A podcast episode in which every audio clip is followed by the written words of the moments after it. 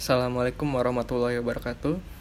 Selamat datang kembali di Siniars Ini ngobrolin arsitektur.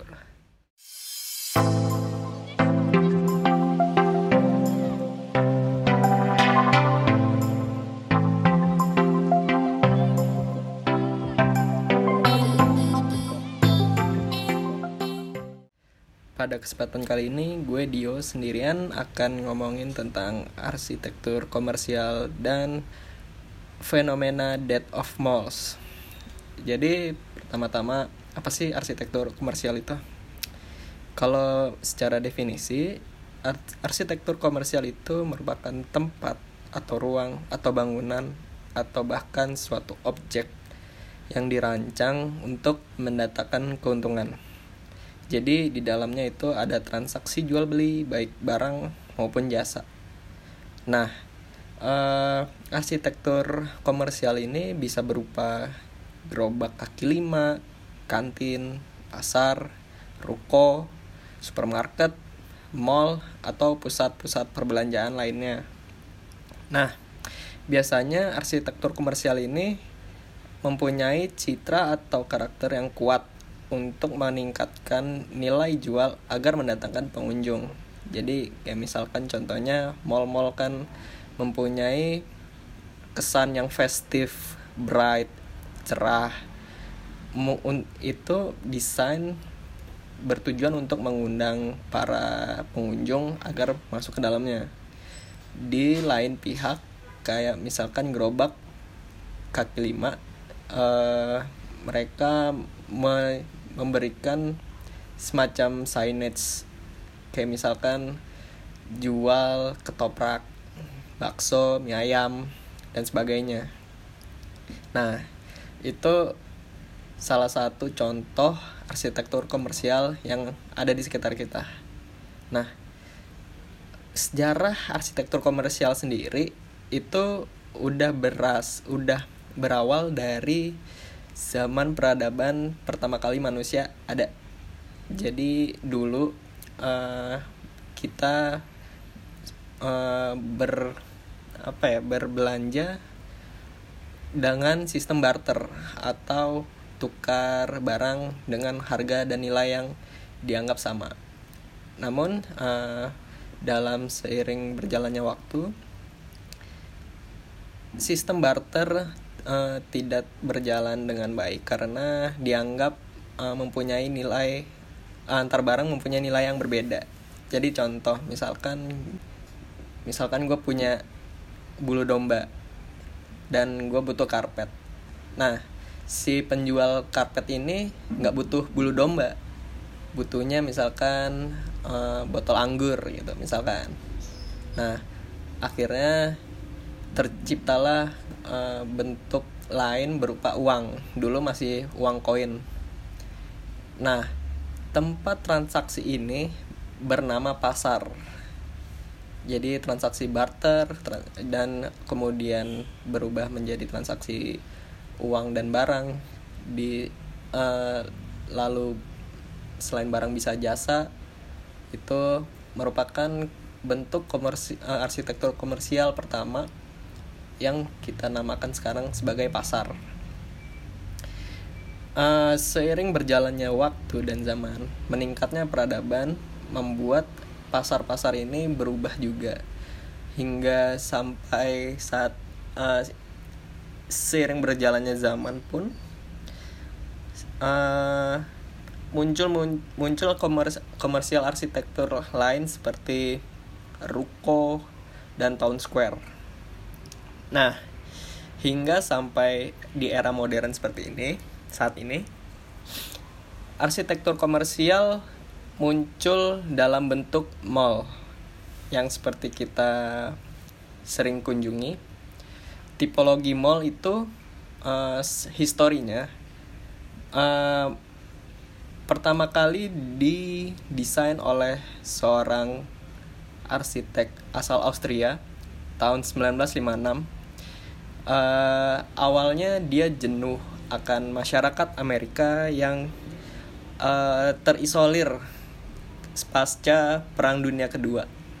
Jadi mereka terlalu uh, mobil sentris kalau bisa kalau ia bisa menyebutkan istilah seperti itu di mana untuk berbelanja mereka harus uh, keluar rumah pergi dengan mobil ke ruko-ruko atau ke toko dan pusat perbelanjaan pulang selesai maksudnya di sana si arsitek asal Austria ini bernama Victor Grun ia melihat ada sesuatu yang hilang dari masyarakat Amerika pada saat itu yaitu kurangnya uh, social interaction antara mereka. Akhirnya ia mencoba untuk merancang sebuah pusat perbelanjaan yang di mana di sana ada uh, kumpulan retail-retail yang dikelilingi dan uh, ada pusatnya berupa tempat uh, untuk ngobrol, untuk bersosialisasi, uh, dinamakan seperti atrium, atrium seperti mall-mall pada saat ini.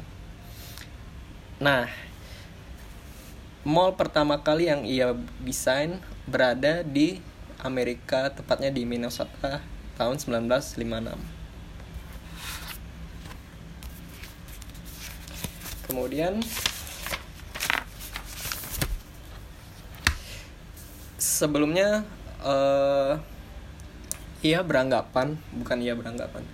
Kemudian uh, sebelumnya manusia memang uh, mempunyai kebutuhan yang kita sebut sebagai the third place atau tempat ketiga. The third place adalah tempat publik yang nyaman di luar first place dan second place. Apa sih yang dimaksud dengan first place dan second place? First place itu adalah tempat pertama kali kita bertemu atau tempat pertama kali kita beraktivitas. Uh, yang dimaksud dengan first place first place adalah rumah dan second place adalah tempat uh, rutinitas kita di luar first place yaitu seperti sekolah kantor dan segala macam yang di luar first place nah untuk menghilangkan rutinitas kejenuhan kejenuhan rutinitas dari first place dan second place maka manusia membutuhkan tempat bernama third place. Third place sendiri uh, bisa berupa taman, taman publik, air petra, lalu town square kalau di Eropa di Eropa uh, dan sebagainya. Akhirnya Victor Grun mendesain mall pertama tadi dengan uh, menerapkan konsep third place di dalamnya karena ia berpikir untuk menciptakan masyarakat sosial membutuhkan suatu tempat yang sosial pula. Jadi core dari mall pertama kali adalah tempat sosialnya, bukan tempat perbelanjaannya. Tempat perbelanjaan hanya sebagai fasilitas pendukung dari uh, ruang publik yang ia desain. Tujuannya apa sih? Tujuannya ya untuk meningkatkan kembali interaksi publik sekaligus menyediakan sarana untuk berbelanja. Jadi setali tiga uang. Nah, selanjutnya seiring perkembangannya perkembangnya berkembangnya zaman, muncullah fenomena dead of malls. Jadi kalau kalian search googling di Google akan muncul uh, jika kalian googling dead of mall di Google di di Google maka akan muncul artikel seperti uh, maka akan muncul artikel di Wikipedia. Jadi maksudnya itu Wikipedia bahkan sudah mempunyai terminologi sendiri untuk dead of mall.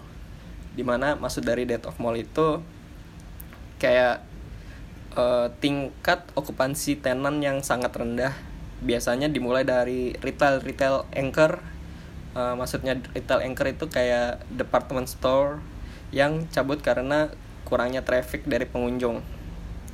Di Google Image sendiri kalau lu search dead of mall muncul kayak mall-mall di zaman apokalips gitu. Kayak udah terbengkalai udah wah udah chaos banget. Kayak manusia udah punah di zaman itu. Jadi uh, udah benar-benar kelihatan kayak nggak ada kehidupan atau pasca kiamat gitu mungkin. Nah kenapa sih dead of mall muncul? Fenomena ini apa sih yang penyebabnya? Lalu mungkin gak sih uh, online shop itu menjadi penyebab utamanya? Bisa iya bisa nggak jawabannya? Jadi coba gue breakdown satu-satu. Uh, fenomena dead of mall bisa terjadi berupa karena peruba perencanaan yang salah. Jadi karena awalnya Victor Grun merancang mall untuk tempat ketiga atau third place bersosialisasi, bersosialisasi dilengkapi dengan fasilitas belanja. Uh, kondisi saat ini berbeda dengan apa yang ia visikan saat dulu.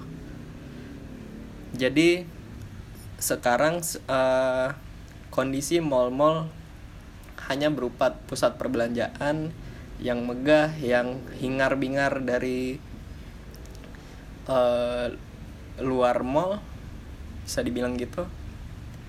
Karena uh, lal dan juga sosial uh, tempat so, tempat bersosialisasinya pun sudah menghilang. Maksudnya sudah sangat reduksi dengan hmm, dengan retail retail itu sendiri ya bisa dibilang gitu. Oke okay. jadi gini. Sebenarnya magnet utama dari mall itu yang tadi gue bilang adalah anchor store atau department department store. Jadi kayak matahari terus metro dan lain-lain. Itu tuh uh, adalah uh, pusat kegiatan utama sebenarnya untuk mengundang massa dan menggerakkan traffic pengunjung ke seluruh penjuru mall. Nah, jika market uh, jika department store ini cabut, retail-retail yang lain pun uh, akan terkena imbasnya karena banyak pengunjung yang uh, tidak berminat masuk ke dalam mall. Nah, selanjutnya banyak mall juga yang mengharuskan pengunjungnya untuk ngelup jadi kayak muterin sebuah satu mall gitu untuk bertemu lagi dengan eskalator jika ingin ke atas atau misalkan pengen ke bawah lantai. Bahkan beberapa mall menempatkan magnet lain di ujung lantai atas atau lantai basement. Nah magnet ini bernama ATM Center ya benar. ATM center yang uh, bisa dibilang manusia zaman sekarang butuh banget yang namanya ATM center. Jadi ditempatkan di atas atau di bawah paling ujung untuk manusia uh, secara nggak sadar harus menempuh seluruh tenan-tenan yang ada agar bisa ke bisa ke ATM center. Ya mau karena ATM center sekarang udah menjadi sebuah kebutuhan gitu untuk manusia. Nah jadi penyebab utamanya apa sih? Kalau bisa dibilang online shop itu uh, ada pengaruhnya tapi nggak 100% benar. Yang tadi gue bilang salah satunya adalah hmm, salahnya perencanaan dari awal jadi ada faktor-faktor sosial yang tidak terpenuhi dari perencanaan mall itu. Logikanya gini. Orang butuh beli kebutuhan sehari-hari. Kedua, beli kebutuhan itu di pusat perbelanjaan which is di mall. Kalau di mall cuma menyediakan tempat untuk lo belanja doang, mending pakai online shop. Karena gini, apalagi kalau datang ke mall lo harus macet-macetan di jalan lo harus cari parkir lagi lo harus ngantri lagi saat belanjanya intinya pergi ke mall hanya ngabisin waktu yang gak guna ketimbang hal-hal fundamental lain yang bisa dicapai ketika lo ada di rumah dan berbelanja di online shop. Nah, gimana sih cara mall-mall lain bisa bertahan? Jadi uh, mall-mall yang kita lihat uh, bertahan saat ini biasanya meningkatkan user experience da dari pengunjung. Pengunjung dibiasakan untuk men sorry sorry.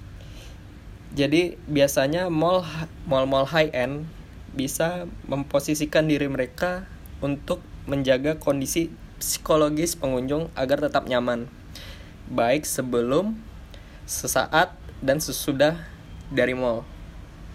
Jadi, gue ambil contoh gini. Apple bisa menyediakan produknya dan menjual produknya secara online. Tetapi mereka tetap menyediakan store-store yang berada di mall atau bahkan uh, uh, yang berdiri sendiri. Jadi di sana ada sebuah user experience yang lu nggak bisa dapetin saat berbelanja. Contoh lain adalah bioskop. Seperti lu mungkin bisa nonton di rumah streaming, tapi lu mungkin nggak bisa mendapatkan apa yang lu dapetin saat lu berada di bioskop. Vibes-nya, terus suasananya, bahkan orang-orang yang lu temuin di dalam bioskop atau bahkan uh, proses lu masuk hingga keluar dari bioskop itu user experience yang lu mungkin gak dapetin saat lu nggak ada di bioskop hal ini juga yang membuat mall-mall high end biasanya udah ngerti nih. Oh pengunjung harus diberi uh, sesuatu yang berbeda dibanding uh, lu cuman belanja terus pulang. Biasanya retail-retail yang menengah ke bawah adalah salah satu uh, mall yang akan lebih cepat tutup uh, gulung tikarnya bisa dibilang gitu kenapa ya balik lagi karena user experience yang ditawarkan dari retail-retail menengah ke bawah bisa dibilang uh, bisa lo dapetin cuma-cuma dari online shop. Nah, selain itu uh, ada yang namanya tenant mix. Ini hal penting juga yang harus dimiliki oleh uh, owner mall karena di sana ada analisa market. Jadi target market lo uh, lu analisa kira eh, kira-kira kelas berapa dari tingkat rendah sampai atas kah atau cuman menengah ke bawah sehingga mall tahu nih mau masukin tenan-tenan apa ke dalam mallnya jadi kalau bisa dibilang intinya retail-retail yang menjual experience itu nggak sekarat atau nggak akan mati dalam waktu dekat.